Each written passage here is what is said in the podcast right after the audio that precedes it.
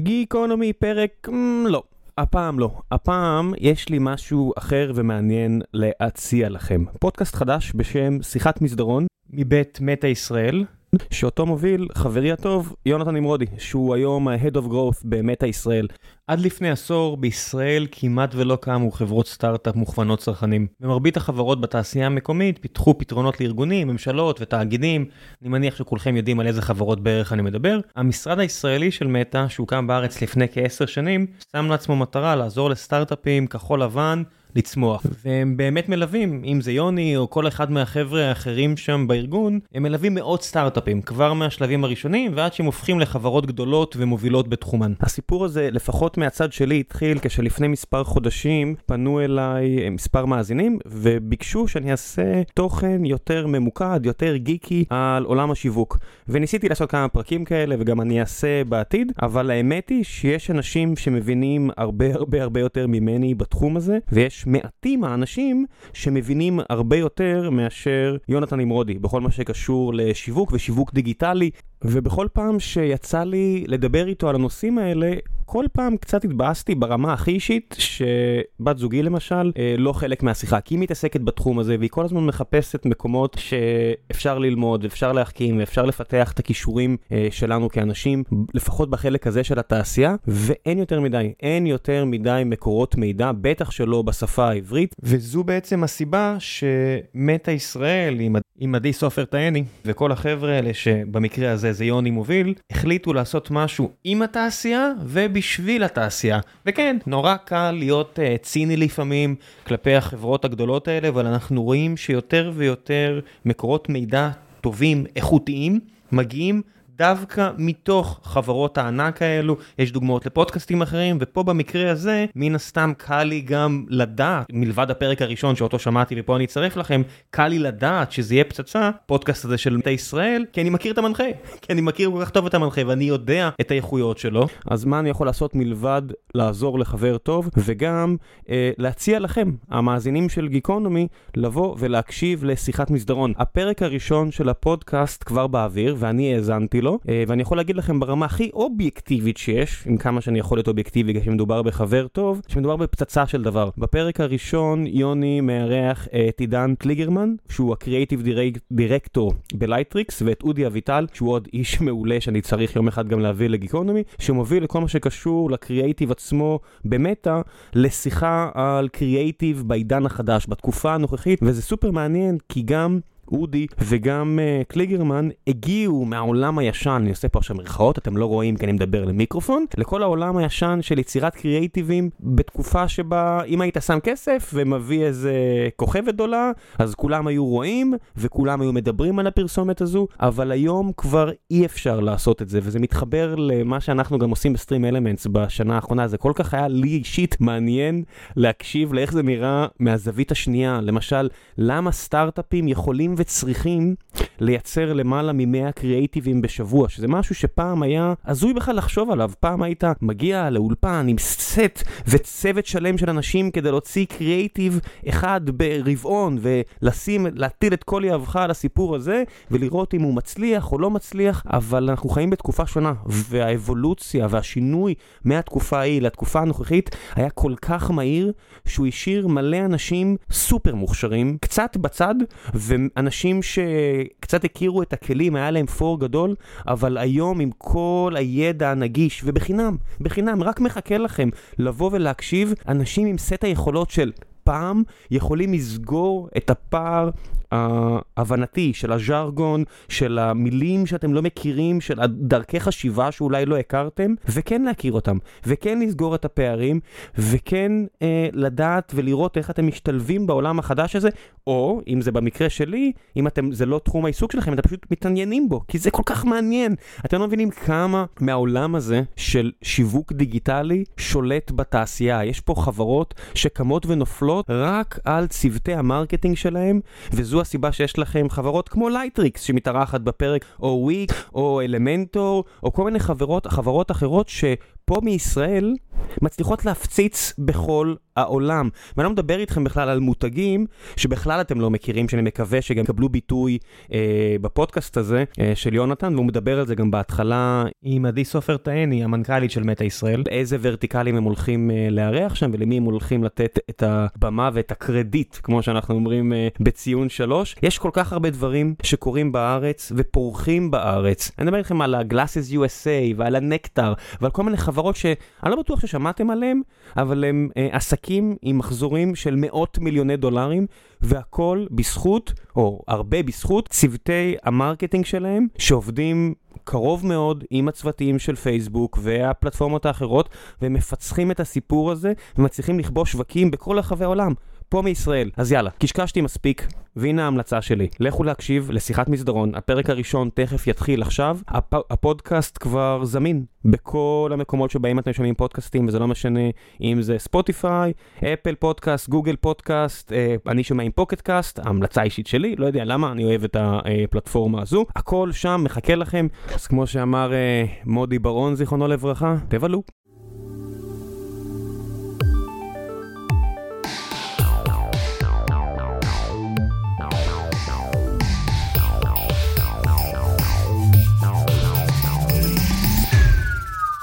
היי עדי. היי יונתן. מה העניינים? יו, אני מתרגשת ממש. כן, מה... האמת שגם אני. אה, ותודה לראם על הפתיח ה-way over promising, אה, על מה שהולך לקרות פה עדי, אני סופר מתרגש לעשות את זה. אה, אבל בואו אולי נספר מה זה, מה, מה אנחנו עושים פה? כאילו הדבר הזה שחלמנו עליו המון והנה הוא קורה. שלא חשבתי שבחיים נעשה באמת. אנחנו עושים פודקאסט, אלוהים אדירים. כן, בפודקאסט, כאילו, יש כל כך הרבה, אז, אז למה? כן, זו שאלה טובה, באמת. האמת שכאילו, את ואני תמיד רצינו לעשות משהו כזה. כאילו, לא חושב שעברו כל כך הרבה שנים, אבל תמיד אמרנו, אולי יום אחד אה, נרים ביחד פודקאסט, אז, אה, אז באמת למה? למה, למה מטה צריכה פודקאסט? אז ברוכים הבאים לפודקאסט הרשמי של, אה, של, של, של מטה ישראל, אבל באמת למה מטה, ולמה בכלל צריך עוד פודקאסט? כן, נראה לי שאולי התשובה הכי קצרה, זה שאנחנו עובדים בתוך תעשייה שהיא מאוד מובחנת בסיפור הזה של startup nation. בסוף תעשייה שמנסה לבנות מוצרים שמגיעים למשתמש קצה. זה משהו שישראל לא הייתה פה טובה פעם, ואני חושבת שהיום הופכת להיות אה, ממש טובה. אבל בכל זאת, ארבעה חבר'ה מהגראז' איפשהו בארץ, שמקימים סטארט-אפ ומנסים להגיע למיליוני משתמשים בכל העולם. והבנה שיש המון ידע בתעשייה שאפשר לשתף אותו, על איך עושים growth של סטארט-אפים כאלו. growth נשמע אולי אחרת לאנשים היום, לעומת איך שהוא נשמע לפני שנה או שלוש שנים. אז למה דווקא ב-2023? אני קודם כל אגיד שאני חושבת ש-growth, או בשמו העברי צמיחה, אה, אה, יישמע שונה כל כמה שנים, וזאת עדיין המשימה. כאילו, סטארט-אפ שקם כאן קם כדי לצמוח, לא כדי לשרוד. וכל כמה שנים האתגרים יהיו אחרים. אמ, אז אנחנו נמצאים עכשיו בתקופה כנראה מאתגרת במיוחד, וסוערת במיוחד, ואז לפצח איך, איך עדיין עושים צמיחה יחד עם התקופה הלא פשוטה הזאת, שכולם גם מתעסקים ב... את יודעת מה, אני חושב שאת מכירה את הפרסומת של משרד התיירות, דווקא עכשיו חופשה בישראל. בול. זה כאילו, דווקא עכשיו לדבר על איך פותרים בעיות גדולות שקרו כתוצאה ממצב מקרו-אקונומי לא פשוט, וגם ממצב פנים תעשייתי מורכב. ואני חושב שדווקא עכשיו יש לנו באמת זכות ענקית לנצל את הפלטפורמה שלנו, כדי, אה, את הפלטפורמה, כלומר, שני המיקרופונים האלה, mm-hmm. אוקיי? um, כדי uh, לנסות ולהגיע לכמה שיותר יזמיות ויזמים, או אנשים בתפקידים עסקיים בסטארט-אפים, או בחברות גדולות יותר, או בקרנות הון סיכון, שנתקלים בבעיות של צמיחה מכל הסוגים. נכון? אוקיי? וללמוד מהם. וללמוד מהם. ו, uh, ולנסות גם לשתף בדברים שאנחנו, שאנחנו למדנו. אנחנו נשתדל להביא לפה בכל פרק מחדש את הטובות ביותר בתחומן או בתחומם, כדי לדבר על startup business, אוקיי? business סביב tech, מנקודת המבט הייחודית שלהם, עם המשקפיים של קריאייטיב, של BI, של, של שיווק, של ניהול, של HR. לחלופין, לפעמים המשקפיים יכולות להיות סביב נושא תחומי מסוים, עסקי כן. מסוים, כמו consumer apps, נכון, עדי? כן, או... סביב vertical ספציפי, אז זה יכול להיות אה, בעולמות של פינטק, או B2B SaaS, או בעולמות של e-commerce, שזה תחום צומח בדיוק. בטירוף יחסית חדש, אז אז, אז בעצם, בעצם הפודקאסט הזה מיועד לאנשים שאו עובדים בסטארט-אפ, או מובילים בסטארט-אפ, או משקיעים בסטארט-אפים, או פשוט נורא נורא מעניין אותם tech בצד המוצרי-שיווקי, ובכל פרק אנחנו ניתן להם הזדמנות להיכנס לעולם של סטארט-אפים דרך המשקפיים של מישהו אחר. אז בואו נראה איך נראה, אה, אה, איך נראה הארגון מהמשקפיים של HR, אוקיי? איך נראה הארגון מהמשקפיים של ops. בסופו של דבר אנחנו מתעסקים בפודקאסט הזה ובכלל בעבודה שלנו המון עם, עם סטארט-אפים. אבל ה-Israeli Tech Ecosystem מורכב מהרבה מטריצות של טכנולוגיה ואנחנו Mhm. ידועים בתור... אה, בוא נקרא, ההצלחות הגדולות בתחום ה startup nation הגיעו מעולמות ה deep tech, אוקיי? ועולמות הסייבר cyber, security, כן. ואני לא רוצה להשאיר אף תעשייה בחוץ, אז אני מתנצל בפני מי ששאר אותו בחוץ. תעשייה ביטחונית, תעשייה כמובן, גדולה, כמובן, כן. כמובן. אבל אני חושב שזה האלימינציה של, של לא, אז, אז, אז מה כן? נכון. במה אנחנו כן ניגע? כי אני, אני לא חושב שאנחנו ניגע כאן בסייבר יותר מדי. נכון. או ב deep tech, אז במה כן? נכון, אז אני חושבת שאנחנו הרבה זמן מסתבכים עם ההגדרה של מה התחום הזה שאנחנו מתעסקים בו. אנחנו קוראים לו קצת B2C Tech, אבל זה יכול להיות שם מבלבל.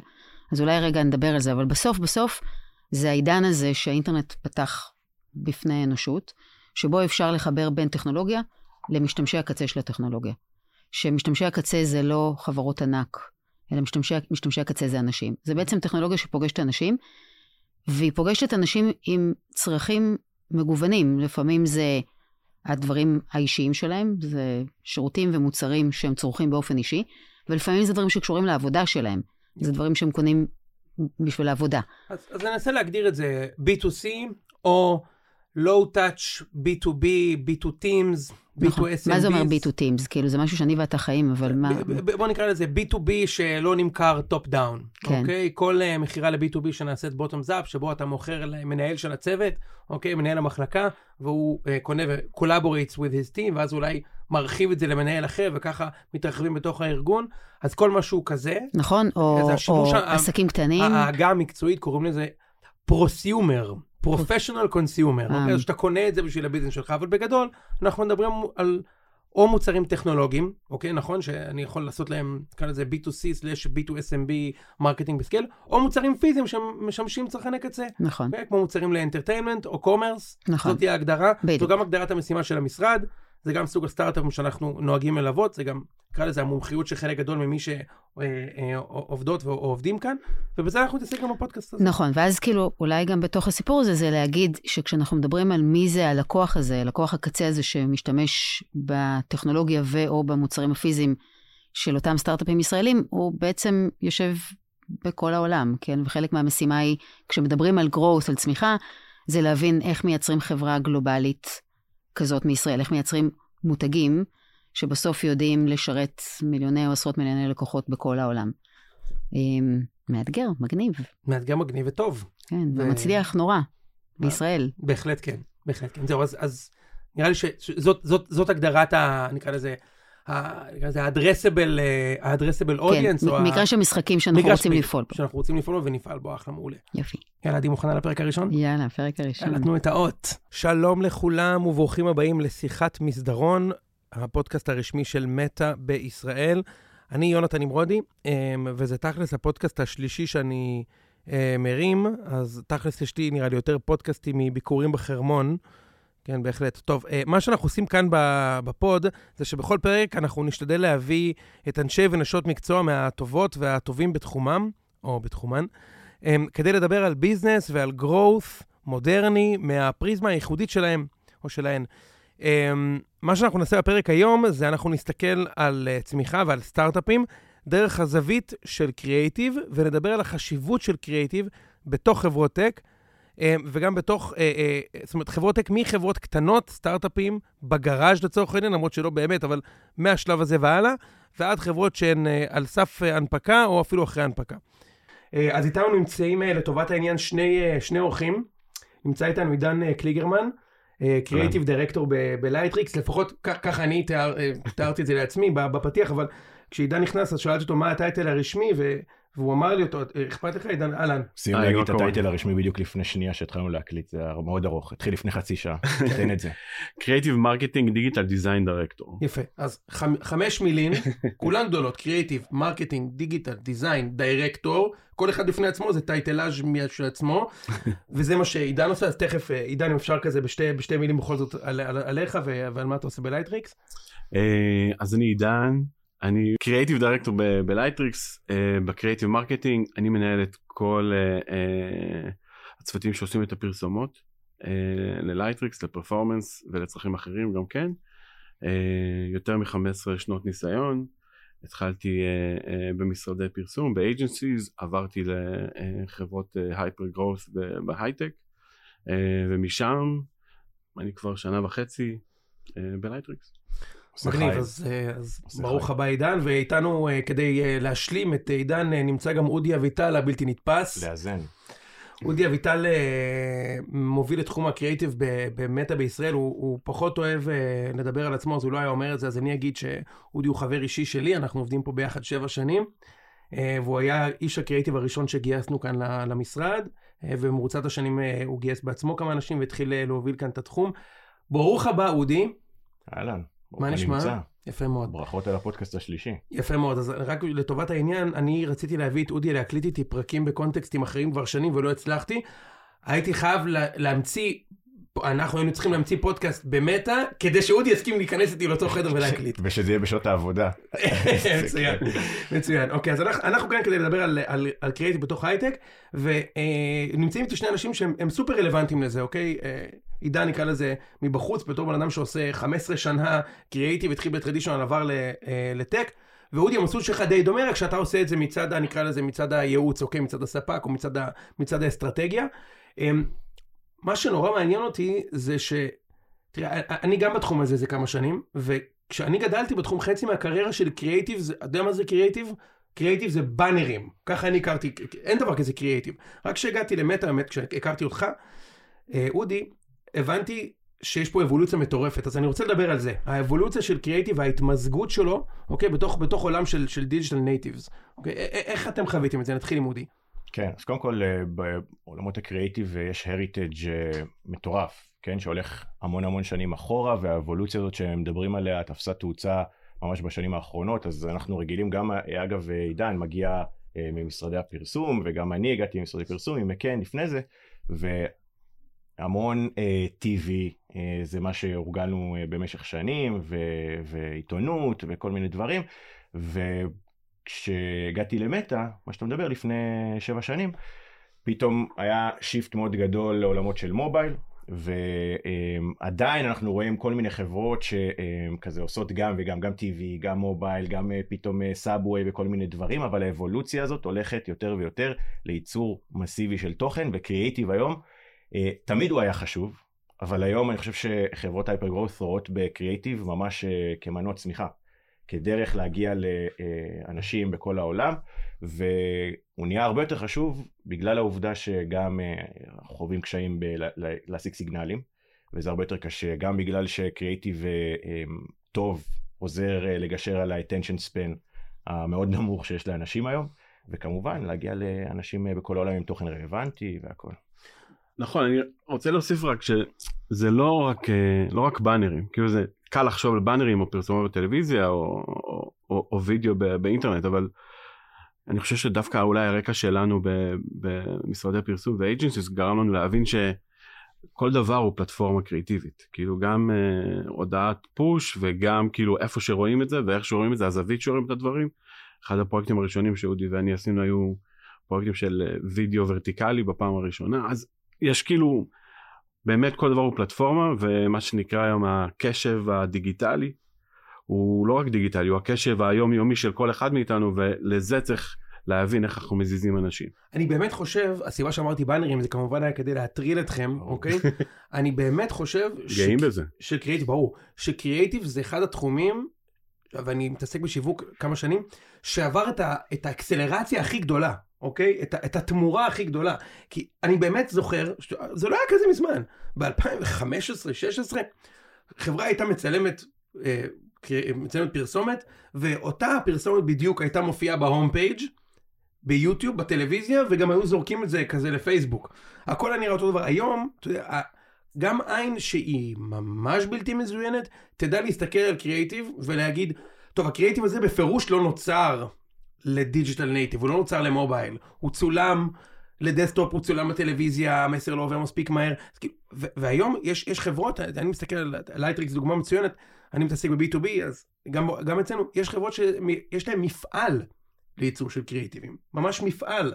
תסבירו לי רגע איך דבר כזה נראה. כן, אז, אז קודם כל, אה, אה, הצורך של חברות hyper growth בהרבה יותר קריאיטיבים, והעובדה שהתחום של קריאיטיב אה, פשוט אה, זז ביחד עם. עם מהפכת המובייל, והתוכן חייב להיות מתאים לפלטפורמה שבה צורכים אותו, אלה שני הדברים שגרמו לקריאיטיבים להיות uh, מאוד שונים, והנקודה שאתה נוגע בה מתחברת גם באופן כללי לזה שהיום חברות סטארט-אפים, חברות שעושות פרפורמנס באופן כללי, מייצרות תוכן כמעט כמו פאבלישרס. מספרים מטורפים, ואנחנו מדברים על, uh, על uh, באמת כאילו אזורים של בין 50 ל-100 אסטים בשבוע. מה זה אסטים? סליחה, אנחנו לטובת, לטובת כל מי שמאזין לנו, או אני מקווה שרוב מי שמאזין לנו מתעסק בטק, אוקיי? או ב product, או ב marketing, או ב business, או שהוא משקיע. אבל אני אנסה לתרגם את השפה הזאת. אתה תוכל להסביר רגע מה זה asset? כן. מה זה 50 מהאסטים? אז, אז אסטים הם בעצם תוצרים קריאיטיביים, נכסים קריאיטיביים שיכולים להיות וידאו, יכולים להיות still image, יכולים להיות כל מוצר קריאיטיבי שיוצא בתהליך של production, וכשאני מדבר על בין 50 ל-100, אז ועוד פעם זה בוורטיקלים שמייצרים המון, יש גם כמובן כאלה שמייצרים פחות, אבל בסוף אני מדבר גם על תוצרים חדשים לחלוטין, וגם על כאלה שעושים עליהם איטרציות, שלומדים המון ממה עובד ומה לא עובד, ומסתכלים על הדאטה, ואז עושים את האיטרציות אה, אה, אחרי זה. למה חשוב לייצר 50 אסטים בשבוע? אני חושב שכאילו שווה אולי, זה, זה בדיוק הנקודה שרציתי להוסיף לאודי בלי ששאלת, אבל mm-hmm. כדי להבין למה עושים אין סוף, קריאייטיבים, uh, נקרא לזה נגיד אין סוף, כי בעולם של agencies ומותגים אחרים בעולם, שהם לא טק, uh, אז הם, לייצר 100 אסטים זה משהו בלתי נתפס, אבל הסיבה שעושים אין סוף קריאייטיבים, אין סוף במרכאות אני עושה, אין סוף קריאייטיבים זה בגלל שאין, אין כסף לבזבז.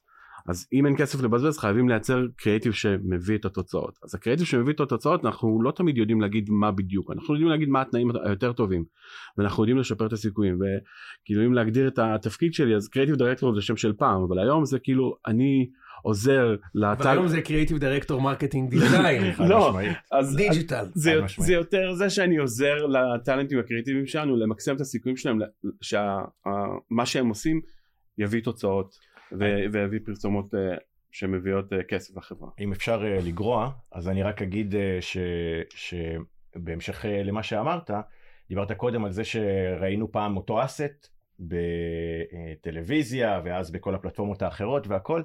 ופעם באמת הסייקלים של הפקה היו סייקלים אה, מאוד ברורים, הולכים ליום הפקה ומצלמים פעם אחת ואז משתמשים בחומרים זה היה תהליך מאוד טרדישיונל. גם היה צריך פחות אסטים. אה, היום זה לא קורה, היום, אה, וניגע בזה בהמשך, הדינמיקה של הפקה והסייקלים שחברות צריכות על מנת אה, להפיק אסטים חדשים, הם לפעמים ברמה יומית, יש כאלה שהם ברמה אה, דו שבועית, יש כאלה שהם ברמה שבועית ויש כאלה שהם ברמה חודשית, אבל הסייקלים הרבה הרבה הרבה יותר גדולים. אני חושב שזה סופר מעניין, ואני רוצה רגע להתחבר למילה האחרונה שעידן סיים איתה את המשפט שלו לפני 30 שניות, הוא אמר, אנחנו מייצרים קריאיטיבים כדי לייצר כמה שיותר הזדמנויות לחברה להכניס כסף. Mm-hmm. ורק המשפט הזה בפני עצמו, בעיניי, הוא, הוא, הוא, זה נותן את הביצוע, כי בגדול, הרבה פעמים היה נוח לאנשים בקריאיטיב, אני אומר את זה שוב, אני, אני, אני נהנה להטריד אתכם, כן? אנשים של קריאיטיב, להגיד, תשמע, אני מתעסק ב strategy, אוקיי? מה, מה אנחנו רוצים להגיד? למי? תן שמות של אנשים שאמרו לך את סתם. כן, they named names. אמ, ואחד הדברים שמעידים יותר מכל על ה... כמו שאומרים דווקא עכשיו, אתה יודע, זו תקופה לא, לא פשוטה בטק, גלובלי, כן? וכמובן גם, גם, גם כאן בארץ. החיבור של קריאיטיב למספרים, לרבניו של החברה, זה גם משהו חדש. אז, אז אני רוצה, זה מחבר אותי לשני דברים. אחד, כמה זה נכון, מה שאמרתי עכשיו, אוקיי? אמרת קריאיטיב זה מנוע צמיחה, מנוע צמיחה למה?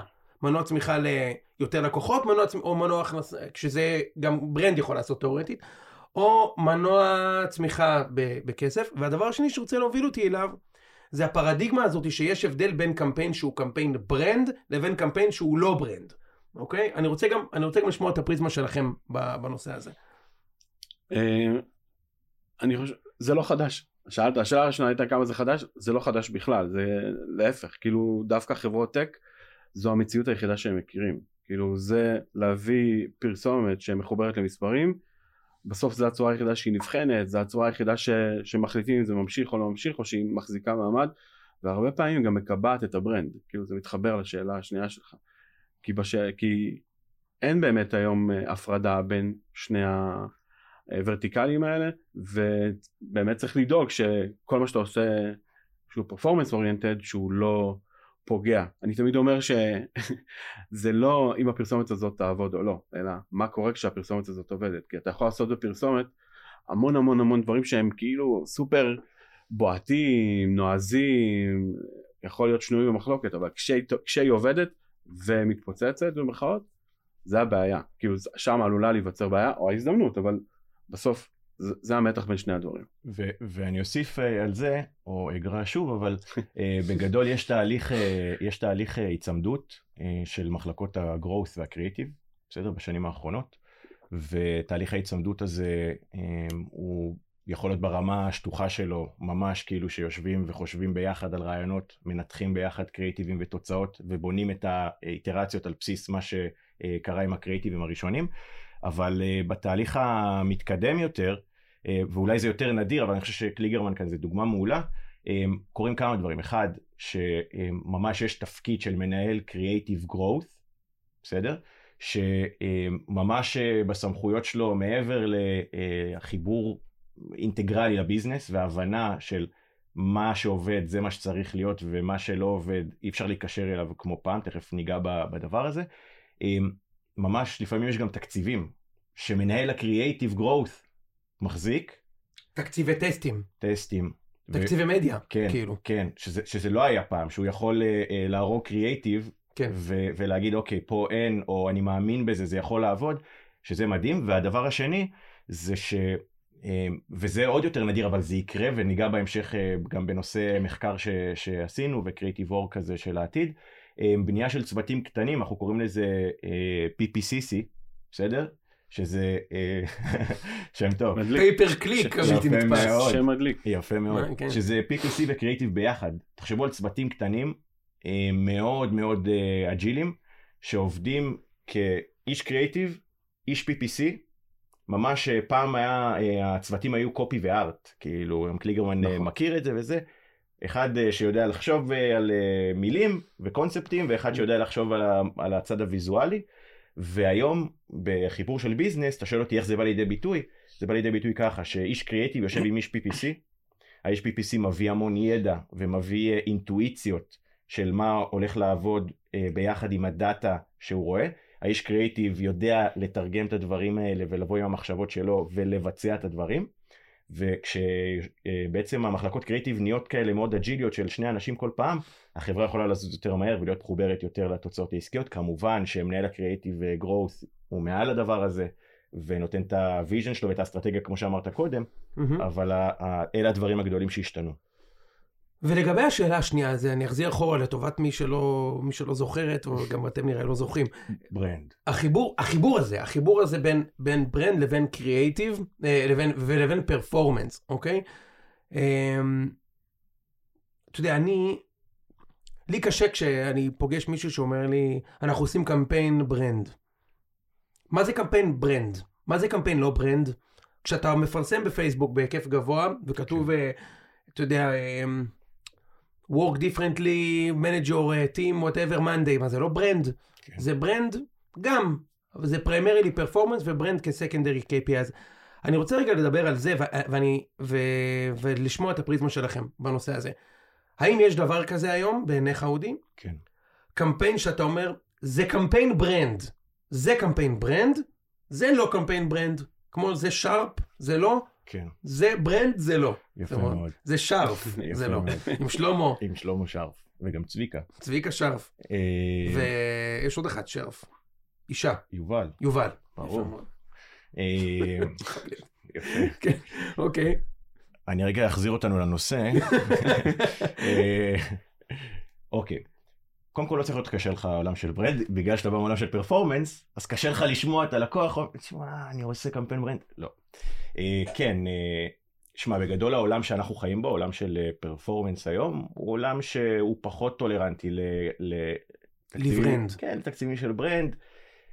מכל מיני סיבות של אה, זה כן מדיד, זה לא מדיד, מה ה impact על ה business והכל, אבל אחד, אני בטוח שיש עדיין מקום ל brand, ותלוי איך אתה עושה את זה בראי האסטרטגיה הכוללת, אבל אני מאוד אה, מתחבר לנקודה שלך בסוף, אה, כשאתה מפרסם על פלטפורמות שהן מאוד ויזואליות, בסדר?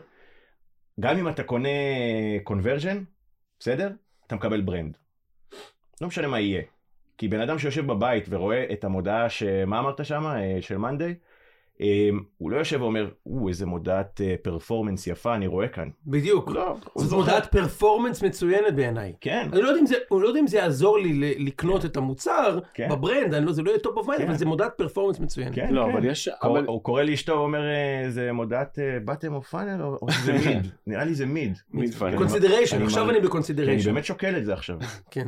לא, אני חושב שזה גם מה שאודי אמר, אבל זה בעיקר ב placement. כאילו, איפה, איפה אתה רואה את הפרסומת, איפה אתה פוגש אותה, דרך איזה ערוץ, וכמה זה prime location או, או, או, או לא, ו, ואיפה, וכאילו, ו, ו, ומה עשו כדי שתראה אותה. אבל בפרסומת performance יש, נקרא לזה, רמת נוכחות של brand. ואני חושב שהיום התפקיד של מנהל קריאיטיב growth כזה, זה לדאוג ש... בתמהיל פרסומות performance שלך יש לך באמת מספיק נוכחות ל brand כדי לייצר את, ה, את האותנטיות הזה ואת, ה, ואת הרפיטיציה של ה brand. אז זה כאילו זה, זה שני הדברים בכל מה שאתה עושה במיוחד אם הערוץ היחידי שלך המרכזי שלך הוא performance תדאג שיש שם מספיק brand הוא לא חייב להיות רק אבל ש, שיש שם מספיק ומהצד השני brand בערוצים אחרים חייב לדעתי חייב לקרות הוא חלק מהבנייה במיוחד ב native brands. אני, אני, אני מסכים, אני, אני אסיים רגע את הנקודה שלי רק כדי שזה ייסגר לאנשים אה, בראש. אה, כשעושים DR ב scale מאוד גדול, מה זה DR? אה, direct response, אוקיי. כשאנחנו מצפים שבן אדם יראה את התוכן שלנו וילחץ, מהמם. יתקין, יפקיד, whatever. אה, אז, אז אני רק רוצה, שוב, לטובת הקהל, בסדר? קמפיין DR, כמו אנחנו קוראים לו בקיצור, או קמפיין direct response, זה קמפיין שהמטרה שלו היא to entice a direct response. סליחה, זה כן. לטובת מי שלא מכירה Action. או לא מכיר. כן. אקשן בדיוק, אקשן מיידי, סליחה, תמשיך. אז כשאנחנו עושים את זה בסקיילים אה, גדולים, ואנחנו עושים את זה בצורה קונסיסטנטית, גם זה בונה brand. בסדר? אז, אז השיחה האחת היא איך אני מצליח לבנות את ה brand שלי כשאני אה, במאמצי acquisition בלבד. כן. אז אני עושה את זה בצורה קונסיסטנטית, יפה. ואני בונה את המסרים אה, שאני רוצה לשים ב front, כי בסוף הכסף שאני משקיע על המאמצי growth שלי, הוא, הוא שווה ערך גם לכסף של ה brand, והוא יודע לבנות את ה brand. וב-level האחר, הרבה חברות אה, שאנחנו עובדים איתן, שהן כבר מגיעות לשלב שבו הן, הן צומחות אה, מספיק וכבר יש להן תחרות, או שהן הן רוצות לעלות אה, up market, או שהן רוצות להביא אה, יוזרים, או שהן רוצות אה, לעשות, אה, יש להן מוצר פרימיום או whatever, כן. שם אני כן אה, רואה אה, המון צורך בלבנות אה, brand לגמרי. recognition. יותר ויותר חברות אגב משקיעות ב brand, חברות שגדלו על performance חוזרות לעשות brand, הדוגמה הכי טובה כמובן זה Airbnb, שאתה מכיר את הסיפור, לטובת מי שלא מכיר, Airbnb obviously אחד ה brandים האהובים בעולם והגדולים בעולם, ויש brand יותר חזק ממנו בעשר שנים האחרונות? brand מדהים, אוקיי. brand מדהים. שגם ייצרו שוק חדש, אה, ו-Airbnb השקיעו תקציבי ענק בעולם, אה, אה, Airbnb בסוף זה בעולם ה hospitality, אוקיי? בתי החולים, אלה שלא מבינים. יפה מאוד, מצחיק מאוד. אז מאחר שהם בתחום הרפואה, הם, אז, אז הם השקיעו המון המון כסף ב-harvesting intent, היו חזקים מאוד בגוגל Search כמו booking.com וטריפ אדוויזור וכאלה, ואז יום אחד הם קיבלו איזושהי החלטה, אני חושב שזו החלטה, החלטה של CMO, להפסיק להשקיע, הם קראו לזה משקיעים רק בברנד, למרות שהם הם עושים המון המון כסף במטא, מהמם. שאנחנו מאוד רוצים להגדיר את עצמנו כפלטפורמה לפרפורמנס, אבל בגדול הם הפסיקו לעשות SEM, הפסיקו לעשות search engine uh, monetization, אוקיי? הפסיקו Mhm. לפרסם בגוגל סרצ' אומרים, בשביל מה? אם מישהו רוצה הוא יבוא אליי, אני מעדיף לפרסם במקומות של, ה, של הפוש. אז הם הלכו חזק מאוד על רילס, אוקיי? חזק מאוד על אינסטגרם, על רילס, אה, טיק טוק ויוטיוב. הם קראו לזה brand, שאגב, זו צורה די אינטליגנטית להסתכל גם על פרסום בפלטפורמה כמו מטא, כי אתה אומר, בסוף מטא זה פרסום brand, הוא פשוט כל כך טוב ב performance, שאני קורא לזה performance, אבל תכלס, אי אפשר באמת להשוות בין מטא לבין גוגל Search לצורך העניין, אוקיי? זו חיה אחרת לגמרי וחזקה מאוד בפני עצמה. אה, מוסכם? אה, מוסכם. כי אני רוצה להתקדם למחצית השנייה. אתה רוצה להתקדם ל- לנושא אחר? אני רוצ... אפשר, או לא... בדוגמאות אחרות? אה, אה, אפשר גם דוגמאות אחרות. אה, סבבה. לא, אה, אני רוצה לדבר על פלאפל ג'ינה רגע כדוגמה, סתם. אה, לא. אה, יש אבל, אה, אנחנו באמת רואים אה, המון המון אה, אה, אה, מפרסמים, בעיקר שגם אנחנו עובדים איתם, שבאמת יודעים לעשות את שני הדברים, לאט לאט זזים גם אה, לכיוון, תלוי ב... ב- אוקיי, ב... תלוי ב- בשלב ב- של החברה גם. כן, בשלב הבגרות של החברה, אבל שמתחילים כזה להסתכל על אה, brand, אגב, סתם כזה, בלי קשר לישראל, גלובלית, אה, אני חושב שחלק מה disruptors עם הברנדים הכי מגניבים, הכי מעניינים, הם, הם זה חברות hyper growth, כאילו סתם אני מנסה לחשוב שנייה, אבל אני לא זוכר שראיתי ב, בשנים הראשונות, נראה לי עד היום, כן, אבל אה, קמפיין brand של ASOS, וכולכם מכירים את ASOS, נכון? חברת מחשבים. סתם, סתם, סתם. את ASOS המותג commerce. אז, אז, ואף אחד לא ראה קמפיין brand של ASOS, הם בנו את עצמם דרך performance. ב- ב- בדרך הישנה. אני חושב שהמותגים הכי מגניבים, הכי מעליבים, בסוף אתה מסתכל, זה מותגי B2B, בסדר נגיד, שעושים, אה, ו-health או כל מיני כאלה שעושים קמפיינים של performance רוב הזמן, והקמפיין הקמפיין brand שלהם מאוד מחובר לאיך שהם עושים, אבל יש לו מטרה מאוד Yes. ספציפית, סתם נגיד אה, אה, WeTransfer, לצורך העניין, Square אז space. Squarespace, אז לא, גם אצלנו, יש לנו case study עכשיו, מהחודשים האחרונים, הייתה לנו פרסומת, באמת, שלוש שנים היא הובילה את כל הפרסומות שלנו, בלי כאילו fatigue בכלל, ומה שהצלחנו לעשות, פשוט יצרנו, כשהטמענו את ה-AI אצלנו במערכת, אז יצרנו פרסומת שכאילו לא הייתה להיות פרסומת DR בכלל, היא הייתה צריכה להיות פרסומת שמספרת, שמציגה את הטכנולוגיה החדשה, ואת זה שאנחנו הראשונים ששמים את ה-AI בתוך ה-Facetune. אה, ויצרנו אותה כ, כמשהו שהוא לא אמור להיות ל-DR, הוא פשוט pure storytelling, brand לגמרי, וזה שבר לנו את כל הפרדיגמות, מה שצריך עבד- להיות, זה עבד ב performance? לא עבד, זה ניצח את הפרסומת שהובילה שלוש שנים, מדהים. רק מחזק. את הנקודה שלי, רק שתדע. חד משמעית, כן. אבל, אבל, אה, אז היא עבדה גם אף במערכת אחד לא מחזק את זה ואומר, מחזק את הנקודה שלך על של זה דבר שזה אני- מטא. בסופו של דבר אני על הסמארטפון ואני נוסע עכשיו ב- בטיוב ויש לי פרסומת טובה ואם זה משהו שבא לי עליו אני מקליק ואני קונה, אוקיי? או נרשם. נכון. אני לא, אבל- לא, לא בכל, שוב, יש נכון. מקומות שלא, יש, יש מקומות, יש מוצרים שהם בהגדרה long consideration, כמו שאתה קונה רכב, או אפילו כשאתה מזמין חופשה, או כשאתה קונה תוכנה. נכון. אבל רוב, ברוב, אה, אנחנו מתעסקים פה המון ב-B2C, הרבה פעמים ב-B2C. האמת היא שאני נגיד אה, פריק של, אה, יש לי בעיות, אני ישן, מדמה שינה במערה. לטובת מי שלא יודע את זה, אז זה מטמא אוזניים, כיסוי עיניים, רעש לבן, אני כאילו לא מסוגל לישון. נבוט ליד המיטה, עם ספייקים. כן. אמ, וכל הזמן אני מקבל, אני מתורגל על ידי פרסמות למסכות עיניים. מבוקר ועד... לפעמים אני רואה מסכה, קניתי פעם. מסכת עיניים באיזה 99 דולר. וואלה. אין טמטום כזה. למה אתה לא משקיע בעצמך משהו יותר טוב? יפה מאוד.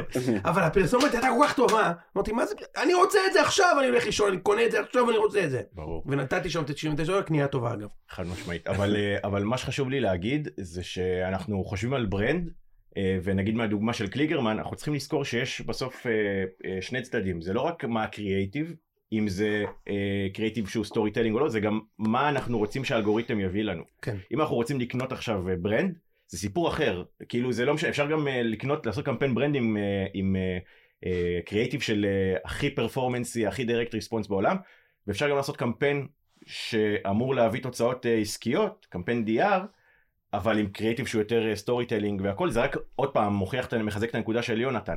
שכאילו זה לא עכשיו שאם אני שם קריאיטיב שכביכול הוא יותר storytelling, אבל אני אומר לאלגוריתם תביא לי רגע אנשים שרוצים להשתמש במוצר, שרוצים להוריד, שרוצים... לא, זה הניצחון בעצם, שאתה ברור. מצליח כאילו לעשות גם וגם וגם, ושומר על המטריקות של ה-conversion, ובסוף, גם בכסף, בתקציב, אם אתה מסתכל על המספרים של הפרסומת הזאת, לפעמים זה יכול להגיע למספרים של אה, חשיפה עצומה, של עשרות מיליונים של אנשים, שהיא היא לא, היא לא קטנה משום פריים טיים אחר.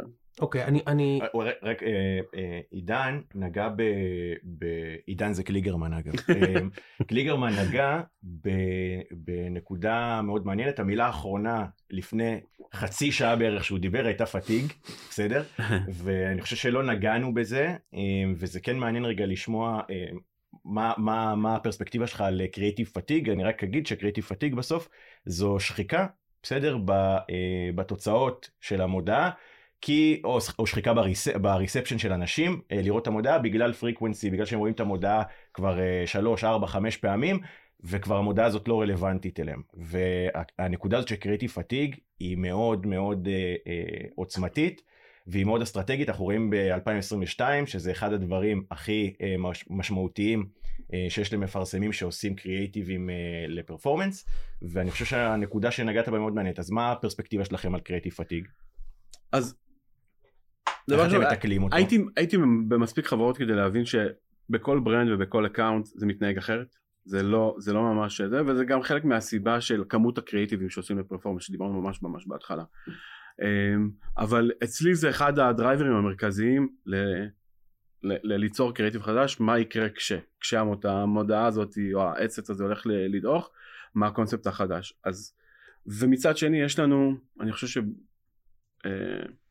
אה, בכ- בכל account שלנו יש לנו איזה שניים שלושה קונספטים שמחזיקים את החשבון אה, והם אה, ה fatigue שלהם הוא, הוא, הוא מאוד הוא מינימלי כאילו כמעט ולא קורה וה- והעבודה שלנו בעצם כאילו להוסיף להם עוד קונספטים כדי לשמור על היציבות של ה performance אוקיי. זה בגדול מה שאנחנו עושים אבל בלי קשר התמודדות ישירה זה לראות איך אנחנו לוקחים מבנה ישן שעבד פעם ונותנים לו וריאציה חדשה עם, עם, אה, דבר, עם אה, קונספטים חדשים. כלומר לקחת למידה מפעם ולהביא אותה לעכשיו. מעניין, זה עולה בקנה רגע, אני רק אגיד, אם שומעים הקלקות ברקע זה לא חס וחלילה שאנחנו עונים למיילים, זה לא קשור לפודקאסט, אבל אה, אני- זה זה מתחבר, סליחה, זה מתחבר ל- לשתי נקודות מעניינות שאנחנו רואים על קריאיטיב פתיג, ודרך להילחם בקריאיטיב פתיג, אז אחד זה לייצר volume יותר גבוה של קריאיטיבים, וזה מתחבר לנקודה הקודמת שדיברנו עליה על 50, 100 assets.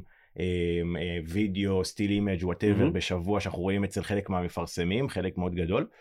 אה, אז high volume זה משהו שעוזר לנו אה, עם, עם creative fatigue, והדבר השני זה diversification של הקריאיטיב, זה אומר כמה שפחות שהקריאיטיבים, גיוון, כמה שפחות שהקריאיטיבים אה, יהיו דומים אחד לשני במסרים, בנראות, בעצם אה, ככל שאנחנו נותנים לאלגוריתם אה, יותר אפשרויות אה, מגוונות של מסר על ההתחלה, של פתיח שונה, של אווטאר שונה שמדבר, אה, שפות, אה, קצב של מוזיקה, זה יכול להיות- מה, זה יכול להיות כאילו- קצב של מוזיקה אפילו, זה ממש ככה, זה voice over אם זה גבר או אישה, זה יכול להיות חד משמעית. ממש אה, חד כן. משמעית. אגב, אגב voice over ודברים כאלה, אחד הדברים המעניינים שעשינו עם לייטריקס אה, השנה, היה ממש לנסות אה, סאונד, אולי גם ניגע בזה כזה בהמשך ב creative org, אבל ממש לנסות אה, סאונד ולראות מה ה impact של קריאיטיב שמונע מסאונד, עוד לפני שחושבים על, אה, על ה visual ועל התסריט, חושבים על הסאונד, ואז אה, מה ה impact של לשנות את הסאונד ברמת אה, gender וכל מיני דברים כאלה, מאוד מאוד מעניין. נכון, לא בכלל נהוג לחשוב על סאונדים, אה, טרנדים של סאונדים עם כל, ה, עם, עם כל היצירה מחדש של, אה, של וידאוים ושל רילזים עם, ה, עם סאונדים שהם כבר טרנדים, אבל היום גם גילינו שאנחנו יכולים ליצור סאונדים טרנדים גם בפרפורמנס. כלומר לקחת סאונד שעובד בפרסומת אחת ולהעתיק אותו ל, ל, לפרסומות אחרות וזה מחיה מחדש את הפרסומת כן. ולפרפורמנס חדש. ו- וגם האלמנט הזה של העתקה אגב בעולמות קצת יותר פילוסופיים של קריאייטיב. קריאייטיב זה כל העניין זה מקוריות כן והכל וזה ו- ובעולמות של פרפורמנס זה הכל על אפישנסי. והאלמנט הזה של to recreate אה, משהו שכבר אה, רץ על הפלטפורמה ועובד הוא, הוא שאלה פילוסופית מאוד גדולה אבל הוא, הוא הכרחי. בסדר? כדי לעשות scale אנחנו רואים את זה הרבה ברילס כשברילס אנחנו מסתכלים נגיד על מה עובד על הפלטפורמה זה בעצם מה טרנדי מה אנשים אוהבים לראות, מה אנשים אוהבים לעשות, to recreate, um, ואני חושב שזה חלק גם ממה שאתה מציין עכשיו, שאתה רואה סאונדים שהם עובדים על הפלטפורמה, הרבה פעמים חברות הייפר uh, ינסו uh, לעשות כזה look alike, לבנות על הדבר, אבל אנחנו ראינו בטסט שלנו שאפשר לייצר אותו גם מאפס, בעצם הבאנו כמה קונסטרקטים כאלה, דברים שכבר עובדים, וניסינו לעשות אותם uh, uh, ביחד, וזה היה מאוד מאוד מעניין, בכלל כל העולם הזה של רילס, מאוד... בריא כזה או, או, או יותר נוח נגיד לסטארט-אפים, כי העולם הזה בנוי על ריקריאיישן. כאילו העולם הזה בנוי על וואו איזה מגניב מה שראיתי עכשיו בא לי לעשות את זה גם זה מהפרספקטיבה של האנשים שמשתמשים ומהפרספקטיבה של סטארט-אפים כדי להיות רלוונטיים בתוך רילס התוכן חייב להיות נייטיבי ואותנטי אז גם, גם החברות שמפרסמות אה, עם תוכן רילס גם recreating את מה שעובד ומה שמגניב. טוב בוא בוא קודם כל סופר מעניין. באתי. אה, לא אני, אני רוצה רגע דיברנו על, על, על יצירה של המון אסטים והחשיבות שלהם, ודיברנו להחליף אבטארים, מוזיקות טמפלטים וכאלה. ואני רוצה, בא לי כזה קצת, אה, קצת, קצת לאתגר אתכם במקום המרגיז, אה, ולהסתכל מהצד בתור בן אדם שאולי היה בהפקה והשפיע עליה, אבל מעולם לא הפיק, בטח לא, אפילו לא קרוב אליכם. אוקיי, AI.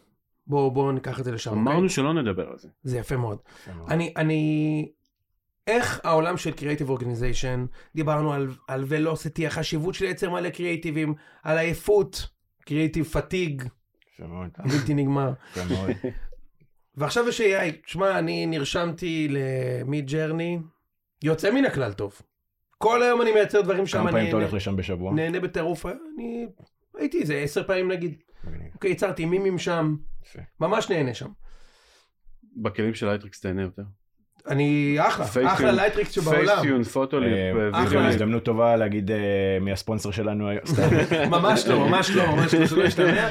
אחלה לייטריקס שבעולם והכי מעריכים בעולם שבאת, אה, ובכלל את לייטריקס כחברה וכשותף. אבל איך, איך, איך AI ו-Creative Org, החשיבות בכלל של הצד הזה של המוח, אוקיי?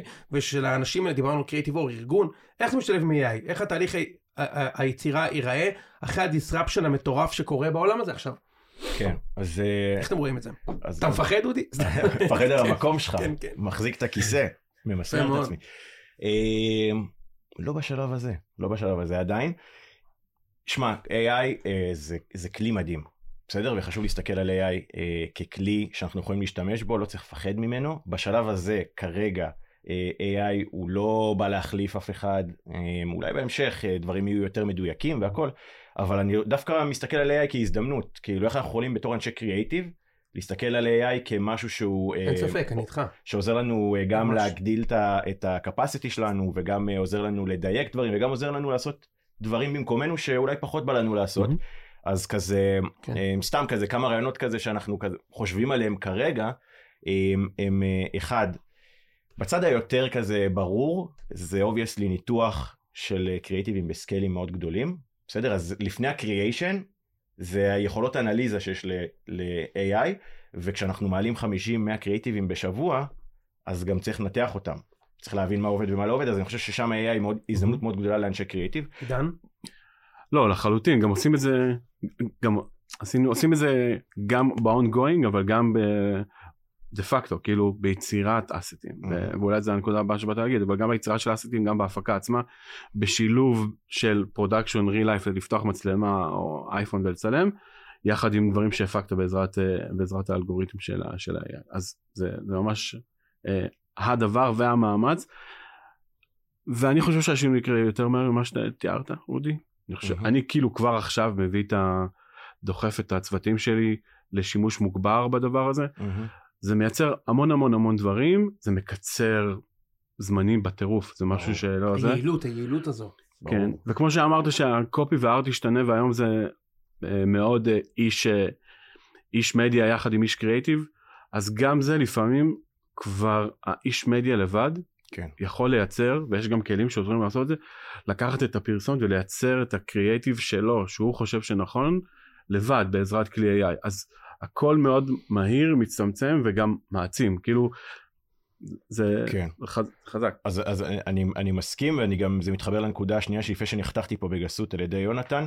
אמ, אז, אז הצד היותר מתקדם, דיברנו על הצד היותר ברור שזה ניתוח של קריאיטיבים והכל, בצד היותר מתקדם אז כמובן זה איפשהו extension של מחלקת הקריאיטיב, מה שאתה מדבר עליה עכשיו, mm-hmm. ברמת ה planning, שזה כאילו ה planning היותר שטוח, בסדר? של נכון. לעזור, אנחנו כבר רואים המון מפרסמים שמשתמשים בזה ככלי של תביא לי רגע אה, שלושה, אה, לא יודע מה, אה, יתרונות למוצר שלי בזה, בום, ה-AI כאילו יודע להביא את הדבר הזה, אז הם משתמשים בזה ממש ככלי יומיומי אסטרטגי פלנינגי אבל שטוח יותר.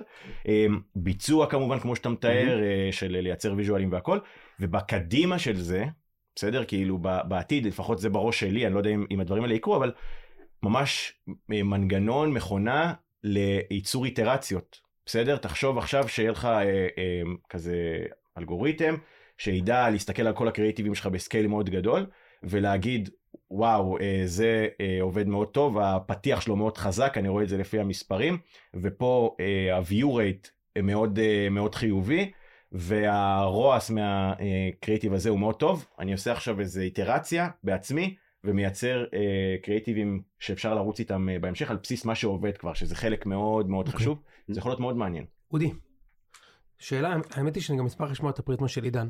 אני עכשיו יזם, גייסנו round A, רוצה להתחיל לעשות marketing. כמה מהר אני צריך לגייס איש קריאיטיב ואיזה סוג קריאיטיב אני צריך. איזה סוג איזה סוג איש אני צריך. עידן. אה, אני חושב שאתה צריך איש קריאיטיב טיפה יותר, בהתחלה יחסור אולי להביא מישהו טיפה יותר מנוסה, אבל גם שמכיר את העולמות של פעם, את ה... קורא לזה של פעם, אבל כאילו את המבנה של, של פרסומת, של מסר, של למה עושים, של קהלי היעד. הייתי של... אומר המקבילים, לא, לא של פעם. אבל... כן, אבל, אבל מישהו שכאילו ש, שמבין מה עושים ואיך עושים ויש לו, והוא נכשל איזה פעם או פעמיים, אה, והיה צריך לקחת איזה אחריות, ומהצד השני, אה, שהוא לא, שהוא, שהוא מכיר את הכלים שהוא לא מפחד מהם ויכול להיות להביא, להביא לו איזשהו מישהו שהוא טיפה יותר צעיר שהוא איזה עשור אחריו בתעשייה. אה, זה למישהו שהוא ממש ממש בהתחלה. אודי, מה כן. חושב? אז, אז יש כמה גישות לדבר הזה, תכף גם ניגע אולי בקריאיטיב אורג, וזה מתחבר... אה, אז אני רוצה שניגע, אני רוצה כן. להוביל, להוביל לשם פשוט, כן. אני, אני כן רוצה שאתה יודע, הרבה, הרבה ממי שמאזין לנו זה יזמיות. אה, או יזמים שעכשיו פתחו סטארט-אפ, אוקיי? או, או ממש אפילו pre-seed או seed או A, ואומרים, אוקיי, נשמע מגניב, אני, אני מבין את החשיבות של קריאיטיב, מה אני עושה עכשיו? כן. אני לוקח agency, אני מגייס in-house, עידן אומר תגייס שני אנשים. כן. מה עושים? אז באמת יש, יש אה, אה, כמה אסכולות. אה, פעם אה, סטארט-אפים היו מגייסים אנשי קריאיטיב, בסדר? וחשוב להגיד שהרבה מהיזמים לא מגיעים מעולם של, אה, של קריאיטיב, marketing, משרדי פרסום. והרבה פעמים הייתי נתקל, זה בעיקר כזה, אני מדבר לפני שבע שנים, וזה הייתי נתקל באנשי קריאייטיב, אה, שהם כזה מכירים לי את הבן אדם, והוא צלם. צלם כאילו סטילס, כן. אבל הוא האיש קריאייטיב של הצוות. אז פעם אה, מחלקות קריאייטיב היו נבנות בטם אפ.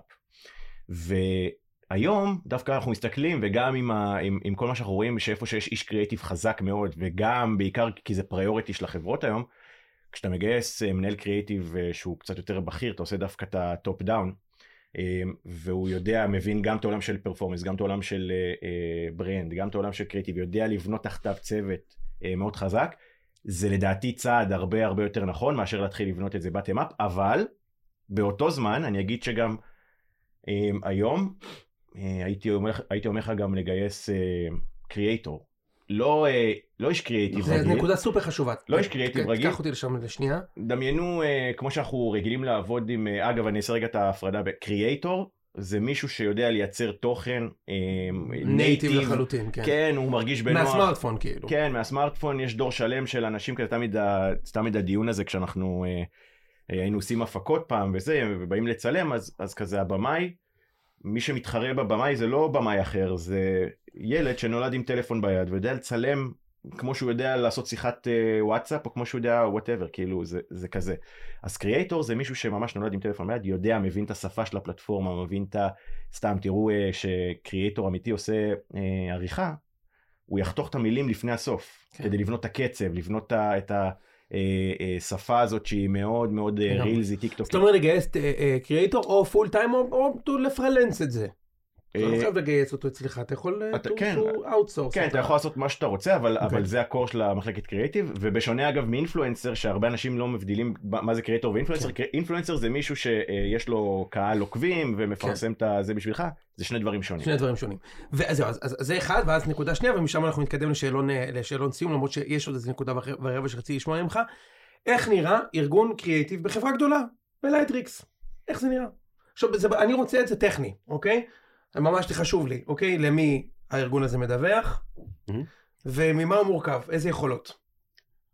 אז דבר ראשון אנחנו מדו- מדווחים ל-CMO בתוך אה, בתוך אה, אה, כל ה marketing יש את מחלקת נקרא לזה content ו influencers לידה יש מחלקת מדיה נקרא אלה שפרפורמנס שמנהלים את החשבון ויש את מחלקת הקריאייטיב יש גם מחלקת PR ו, כן. ודברים אחרים אבל אצלנו במחלקת הקריאייטיב חלק נכבד אם לא אני רוצה להגיד 95% מכל מי שנמצא שם הם קריאייטורים כאילו הם מראש אנחנו עובדים היום בפורמט הזה שהצגנו. אנחנו חברה גדולה. אז את, היום אני כשאני פונה נותן משימה לאצלי אני לא נותן משימה לצוות אני נותן משימה ל, נגיד לשני אנשים או לבן אדם והמנהל שלו אבל הם מביאים תוצר A to Z. A to Z, כאילו, scripting, כן, story, כן, צילום, עריכה, עריכה, coloring. וואי, זה מטורף. מהמם. לא רק זה מעניין אותי משהו אחר. גם זה- זה וריאציות השינויים הגדולים שקורים. אה, שינו? שינו לא. ידעתי. עד- עכשיו שינו. עד אתמול זה היה אחרת. בהח- בהחלט. ו- אבל שם אצלנו כ... אצלנו כמנהלים אנחנו רוצים לקחת את זה לראות איך אנחנו לוקחים את מה שהם יודעים לעשות כבר כי הם יודעים לעשות את זה ולא מכבים אותם מצד אחד נותנים את ההזדמנות לבטא את עצמם. יחד עם ה brand תמיד אנחנו מנסים. לשים שם את ה brand וזה שונה טיפה כשאתה מביא creator לסטארט-אפ לא בטוח שהוא תמיד ידע להביא את ה brand כמו שצריך אז זה טוב להביא creator אבל צריך את ההכוונה האסטרטגית ולהבין מה אנחנו רוצים לבנות שם ו... ובסוף זה כן להסתכל מהזווית של, של performance וכל קונספט שהם יביאו אז בסוף אנחנו נהפוך אותו אנחנו כאילו חושבים אני אלגוריתם עכשיו איך אני מדמיין את הקריאטיב הזה בחמישה דרכים בחמש דרכים שונות. ואז הם מייצרים מכל פרסומת חמישה חמש- דרכות. חמישה דרכות אה, זה, זה, זה מרתק, אה, שיש לך כן, מלא creatorים אה שיודעים רגע ועוד. משהו זה סליחה. אדיר, זה אדיר. זה מטורף. זה מרתק עוד. משהו שהוא חשוב זה ה creative optimizer מהמם. כאילו יש אחרי שמייצרים את הקריאיטיב אז זה כאילו זה לא זה החלק הקל כאילו יש את הבן אדם שאחראי על ה longevity של ה creatives. נכון לראות איך. אנחנו, איך אנחנו אה, באמת מסתכלים על זה ובאמת עובדים יחד ואו משמרים או מבטלים את הפתיג או מביאים את ה... את ה... משמרים את אני- גם, אני- גם, גם, גם אני מכיר מישהו כזה, ב, יש לנו, אה, אני מתעסק ב-B2B וסאס, אז יש לנו לקוח דני ויש חברה בשם פליו, ושם יש גם מישהו כזה. הוא Head of? Creative, אה? מצחיק מאוד. Head of Creative Operations, והוא באמת אחראי על הלונג'ביטי של הקריאיטיב, זה על האיטרציות, האופרציה הזו, ואיך מוצאים מכל קריאיטיב את המקסימום מיץ שאפשר. קח אותי אותי לנקודות אחרונות, כי אני רוצה לעשות את שאלון הסיום, אוקיי. הבלתי נשלט. אה, כן, אז, אז, אז הנקודה של, אה, של אה, קליגרמן אה, מתחברת למחקר שערכנו ב, בשנה האחרונה, אה, שניסה לחזות איך ייראו מחלקות הקריאייטיב של חברות הייפר גרואות בשנים הקרובות, והשתתפו ב- במחקר הזה המון חברות שכולנו מכירים, גם לייטריקס וגם פלאריום.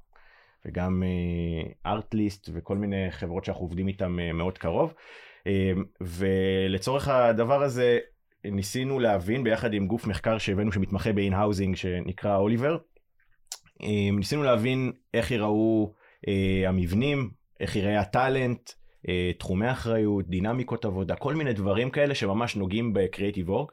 וחלק מהדברים המעניינים שלמדנו שם בתוך המחקר הזה, אנחנו בקרוב נחלוק אותו גם בצורה יותר נרחבת, אבל למדנו אה, שלושה דברים אה, מאוד מעניינים. אחד, שהמבנים מתכנסים יותר ויותר לאיחוד של מחלקות growth וקריאייטיב ביחד, ואני מניח שכשעידן אומר, אה, יש מחלקת קמפיין, כאילו ניהול קמפיינים ומחלקת קריאייטיב, במובן אבל ה- ה- ב- בדינמיקה זה עבודה מאוד מאוד משותפת, כן, זה ישיבות מהודקת. קבועות, כן זה אה. sync מאוד גדול ו- ו- KPIs שהם דומים אחד לשני.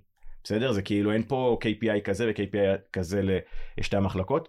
ה learning השני אה, שהיה מתוך הדבר הזה היה שיש למנהל ה creative growth היום הרבה הרבה יותר כוח בהמשך למה שדיברנו קודם, אה, אם זה ברמת תקציבים, לעשות טסטים, אם זה ביכולת להרוג את הקריאייטיב אה, או, או להשאיר אותו, ובכלל התק, התפקיד הזה של מנהל קריאייטיב growth הוא משהו מאוד גדול. אגב, אנחנו רואים הרבה פעמים שמנהל הקריאייטיב היום לא מגיע בהכרח מעולם הקריאייטיב, או בהכרח מעולם המדיה, זה, זה מדהים. יכול להיות שזה בן אדם שהוא חצי חצי, שיש לו כזה אה, גם יכולות קריאטיביות מאוד גדולות, אבל גם אה, הבנה מאוד עמוקה ב data ובניהול קמפיינים, וזה גם מה שמאפשר לו להרוג creativeים ולא להתאהב בהם.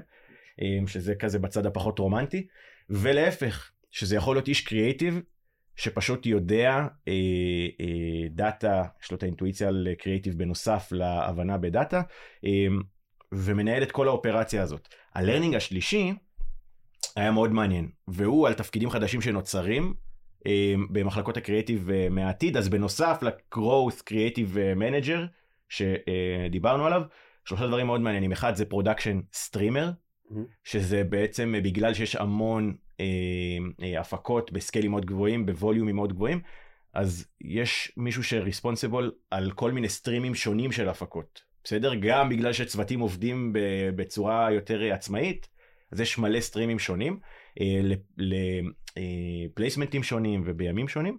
הדבר השני זה in-team creator, בעצם מה שדיברת קודם, זה creator שהוא in-house, הוא לא מוציאים את הבריף החוצה למישהו, יש גם את זה, בהחלט. אבל creator שאתה מגייס כבר את ה creator הביתה, שבא ומייצר את התכנים. ואחרון, וגם משהו שעבדנו עליו עם, אה, עם לייטריקס בשנה האחרונה, sound creator. כאילו היום, נכון. סאונד כל כך חשוב בעולמות של רילס, סאונד קריאייטור? אני לא יכול. להשתמש בארטליסט. אתה יכול ואתה מוזמן, וזה גם ארטליסט זה מוצר מדהים, נכון. ולקוח שאנחנו מאוד אוהבים. נכון, אבל אני מדבר על סאונד קריאיישן, לא ברמה של המוזיקה, ברמה שהבן אדם עושה בעצמו, חד עושה את הסאונד בעצמו. חד משמעית. הוא נותן את הביצוע בעצמו. הוא- הוא לפעמים- מחלל. הוא לפעמים נותן את הביצוע, לפעמים הוא מביא אה, voice artist שיעשו את זה, אבל הוא מבין וואו. איך סאונד עוזר אה, מה אה, מטורף? לייצר attention. לפני עשר שנים, בחיים לא היית אומר לי שאולי אתה כן, אבל אי אפשר לדמיין שככה ייראה Creative Organization. שיש לך בן אדם שעושה סאונדים, זה, זה, doesn't make, אתה יודע, זה science fiction היה. חד משמעית. אני זה- לא אומר את זה סתם, אני באמת נכון. חושב בזה. חד משמעית, זה, מה שאנחנו מדברים עכשיו זה דברים שכבר קורים, אנחנו אה, אה, עשינו בשנה האחרונה, אני חושב מאות אה. פרויקטים עם sound artist שהבאנו לפה, sound creator, אבל אלה דברים שהם עדיין בהתחלה שלהם, כן? זה לא שעכשיו אתה תיכנס לכל סטארט-אפ ואתה תראה שמוזיקאי יושב ונותן ביטים, זה לא ככה, אבל אנחנו כן רואים שזה מתקדם לכיוון הזה. טוב, אוקיי. אנחנו מתקדמים אה, לכיוון סיום, אז אני רוצה אה, להשיק כאן את אה, פינת החידון הבלתי אוי. נגמר. כל אה, שבוע יהיה פה אורח, אנחנו נשאל עוד כמה שאלות, יהיה איזה שאלה או שתיים קבועות. אני אפנה שאלות כזה מדי פעם, גם לעידן וגם, וגם אליך. אז עידן כזה, ת- ת- אני מקווה שאתה מספיק שוחרר כדי לענות על השאלה הזו. אה, מה הסולם האהבות שלך? סתם, אה, מה העצ- מה- מה העצה המקצועית הכי טובה שאתה מרגיש שקיבלת? עכשיו, אני, אני חושב שלכל אחת ואחד יש את הדבר הזה שהוא עולה לו לראש כשאומרים לו את זה. אוקיי? כאילו, מישהו אמר לך משהו חכם, שאתה אומר, בואנה, אני, אני מוצא את עצמי נפגש, נפגש עם השאלה הזו מדי פעם. אה, זה יצא מוזר, אבל זה אודי נתן לי אותם. עכשיו. לא מבוים, זה לא מבוים. נשבע. גם אין לו מושג איך נראה לי. מסמיק מתחת לזקן. הוא אמר. לי, הגעתי, הגעתי, העצה הייתה מהפכות לא קורות ביום אחד, זה מה שהוא אמר לי. אה, זה לא משפט שלא הכרתי, אבל הוא נתן לזה קונטקסט שבאתי תסכות ואמרתי לו, שמע, הם עושים ככה, הם לא מבינים, הם זה, הם זה, הם זה, הם זה, הוא אומר, אחי, תתחיל. עזוב, אה, מהפכות לא קורות ביום אחד, וזה כאילו, יש לזה הרבה פילוסופיות, לשחרר, לתת לאנשים את המקום שלהם, להבין שאתה לא יודע את הכל כל הזמן, זה כאילו מאוד מאוד להבין שאתה, הנחרצות היא חזקה מדי בשביל, בטח בעולמות האלו. זה מדהים, כי. העצה הכי טובה שאני קיבלתי מאודי בחיים זה להזמין את החציל מהמזנון, לא בתוך הפיתה. חד משמעית. הזמין אותו כאילו ישר בתוך קרטון, חד משמעית. וזו הייתה עצה מצוינת אגב. זה diversification של עצות. יפה לא מאוד. אה, רגע, אבל בהמשך למה שקליגרמן אמר, אז... אני באמת נותן עצות טובות. בהמשך למה שקליגרמן אמר, אבל אה, נראה לי שגם אה, זה היה על קטע של, כן, על... הדרך הכי טובה להתחיל לעשות זה פשוט לעשות. כאילו גם אם זה יוצא פחות ממה שאתה אוהב וזה, כן, ומעניין, מדהים שזכרת, אחי. אני אתן לך חיבוק אחרי זה. ברור. איזה כיף. אודי, מה- מה- מה אתה חושב יהיה השינוי הכי גדול ב... לא שאלת אותי אבל מה העצה הכי טובה שקיבלתי. מה העצה? אני לא רוצה לשאול אותך, שאלתי את עידן. טוב, אני אשאל- אני אני אשאל אותך משהו אחר. תגיד על הטורק לחמג'ו. לא, העצה הכי טובה שקיבלתי זה אם יוצא קמפיין שאתה לא גאה בו, אז תאשים איש קריאיטיב אחר בצוות. יפה מאוד. אמ, אודי, ספר לי על- על- על- על איזושהי נקודה בקריירה שהיית בה ועשית טעות. מקצועית. וואו, כן. אה, מלא מלא מלא. תן לי אחת, הנחה לא טובה, ההנחה שהתבררה כלא נכונה, החלטה... לא, זה טעויות יומיומיות. נראה לי הטעות אה, המתמשכת, הנזק המתמשך שגרמתי, סתם. אה, הרבה פעמים בתור אה, אנשי קריאיטיב אנחנו מגיעים עם, עם תשוקה מאוד גדולה לעשות דברים שהם קריאיטיביים, שהם...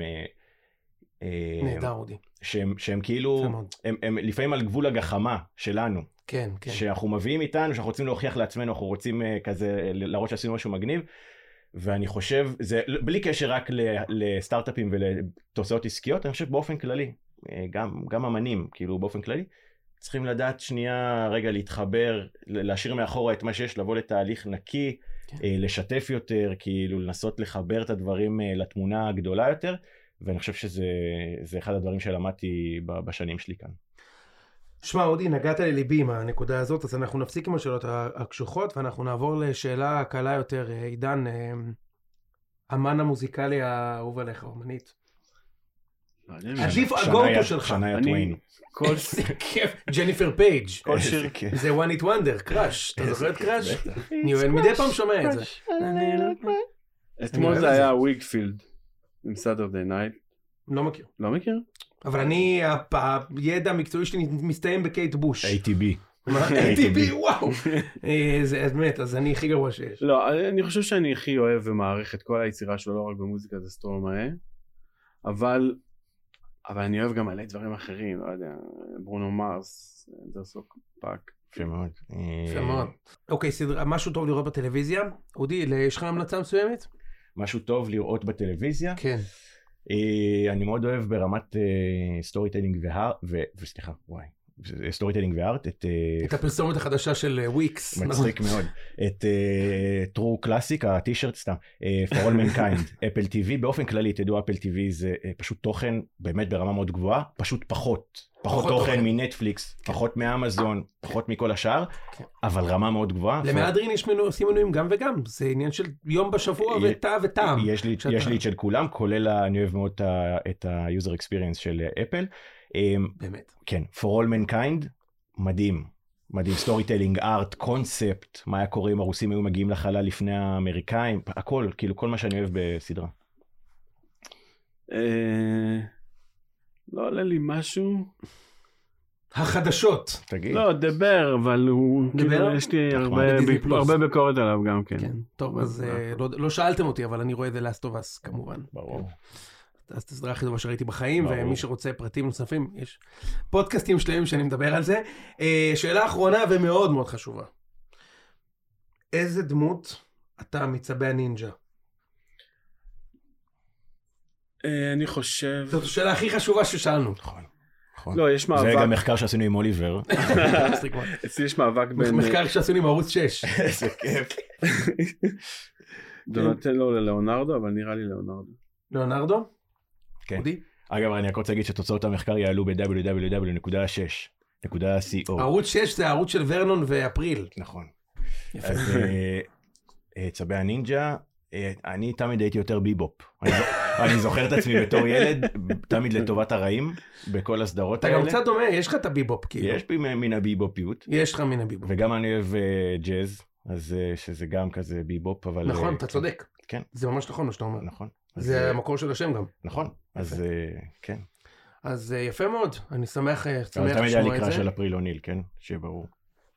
היה לך קרא של אפרילוני? ברור. יפה מאוד. לא, גם שרדר. לי היה קרא של, לך יש קרא של שרדר, בסדר, זה אחלה. לא, הוא חתיך. אני התחפשתי לשרדר, לא אחת ולא פעמיים, והוא? בהחלט חתיך. מתאים לך. אתה? באמת- מזכיר את שרדר. אורוגוסקי, יפה מאוד. יפה מאוד. טוב, עידן, תודה רבה שבאת. עידן, תודה. לכם. סופר סופר סופר מעריכים, אודי. תודה רבה. אודי, כיף. סוף סוף אנחנו מקליטים ביחד, נכון. אז תצליח. תמשיך להצליח. פעם אחרונה. תצליח, בדיוק. פעם ראשונה ואחרונה. יונתן, תודה, היה מדהים. אה, טוב, אז אה, זה היה הפרק.